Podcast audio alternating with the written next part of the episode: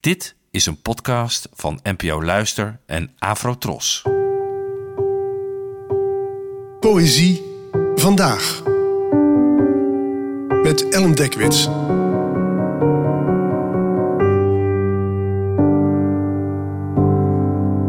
Hallo, fijn dat je luistert. Het gedicht van vandaag heet De droevige geschiedenis van Pyramus en Tisbe en werd geschreven door de Nederlandse dichter Kees Tip, geboren in 1913 en overleden in 2001. En geheel tegen elke gewoonte van deze podcast in wil ik eens vooraf vertellen wat zometeen de moeite van het opmerken waard is. Dit vers gaat over de tragische liefde tussen Pyramus en Tisbe, een jongen en meisje die in het oude Babylon buren waren en ook nog eens verliefd op elkaar. Hun ouders wilden niks van een verbintenis weten, maar, gelukkig voor de jongeren, ontdekten ze in de muur die hun huizen verbond een gat, waardoor ze met elkaar konden praten. Later spraken ze af, en in het gedicht dat zometeen volgt kan je horen hoe het afloopt. Maar eerst even iets over de vorm. Kees Tip was een dichter die hilarische dierengedichten schreef, maar ook uitblonk in het imiteren van andere dichters.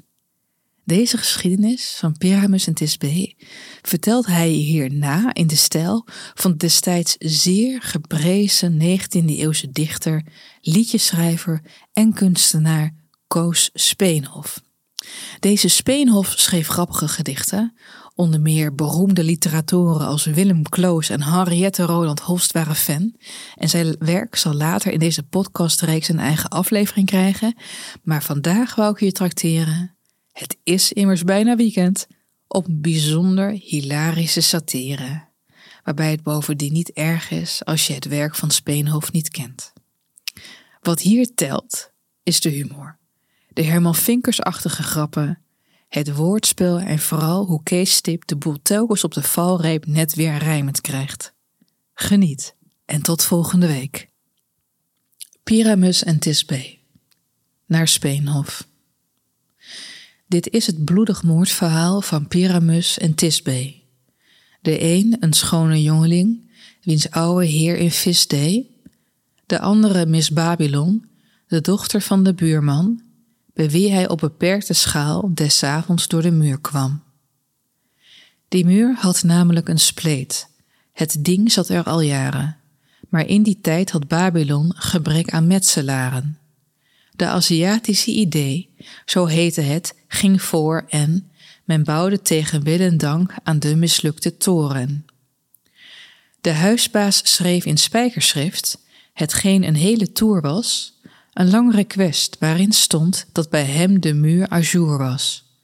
Maar toen het aankwam op de plaats waar zo'n request moest wezen, toen brak de spraakverwarring uit en niemand kon het lezen. Door deze spleet nu wurmde Tisbe s'avonds hare lippen.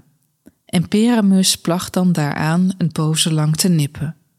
Dat was misschien wel aardig, doch hoezeer zij ook genoten, toch waren beiden erop uit hun afzet te vergroten. Dus Tisbe op een goede dag sprak in het Babylonisch: De muur is toch maar niets gedaan, hij maakt mijn hele koon vies. Je hebt gelijk, sprak Pyramus. Die muur, dat is een vieze. Vanmiddag bij het eten zat de kalk nog in mijn kiezen.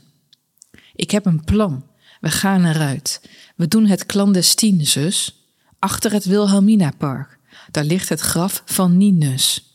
Dat is een plekje waar geen een ons kan bespioneren. Ik wil nu wel eens weten wat wij zonder muur presteren. En zo begaven beiden zich met uitgedachte smoezen apart naar wijlen Nines toe om daar te rendezvousen. Doch Tisbe, die het eerste kwam, werd bleek gelijk een lelie, toen zij een leeuw trof juist ontsnapt uit Barnum en Bailey. Die leeuw zat daar op Nines graf en at wat eens een ree was, en keek precies of in zijn maag nog plenty plaats voor twee was. Het arme kind wist weliswaar het ondier te ontkomen, maar het kostte haar de mantel, die ze pas had laten stomen. Toen nu de leeuw verdwenen was, kwam Pyrimus haar vrijer en las op het verscheurde flart de naam van Brenningmeijer. Hij wist dat dit de firma was waar Tisbé vaste klant was en snapte dus direct wat of er met haar aan de hand was. Zijn haren rezen overeind, zijn wangen werden sneeuwwit. Hij dacht het heeft er alles van dat Tisbé in een leeuw zit. Ach, waren nu nog maar thuis, zelfs met de muur ertussen, want iemand binnenin een leeuw die laat zich lastig kussen. Vaarwel, mijn ouders, nimmermeer keert Pyramus uw zoon thuis. Ik sla nu mijn penaten op in huizen Aidonuis.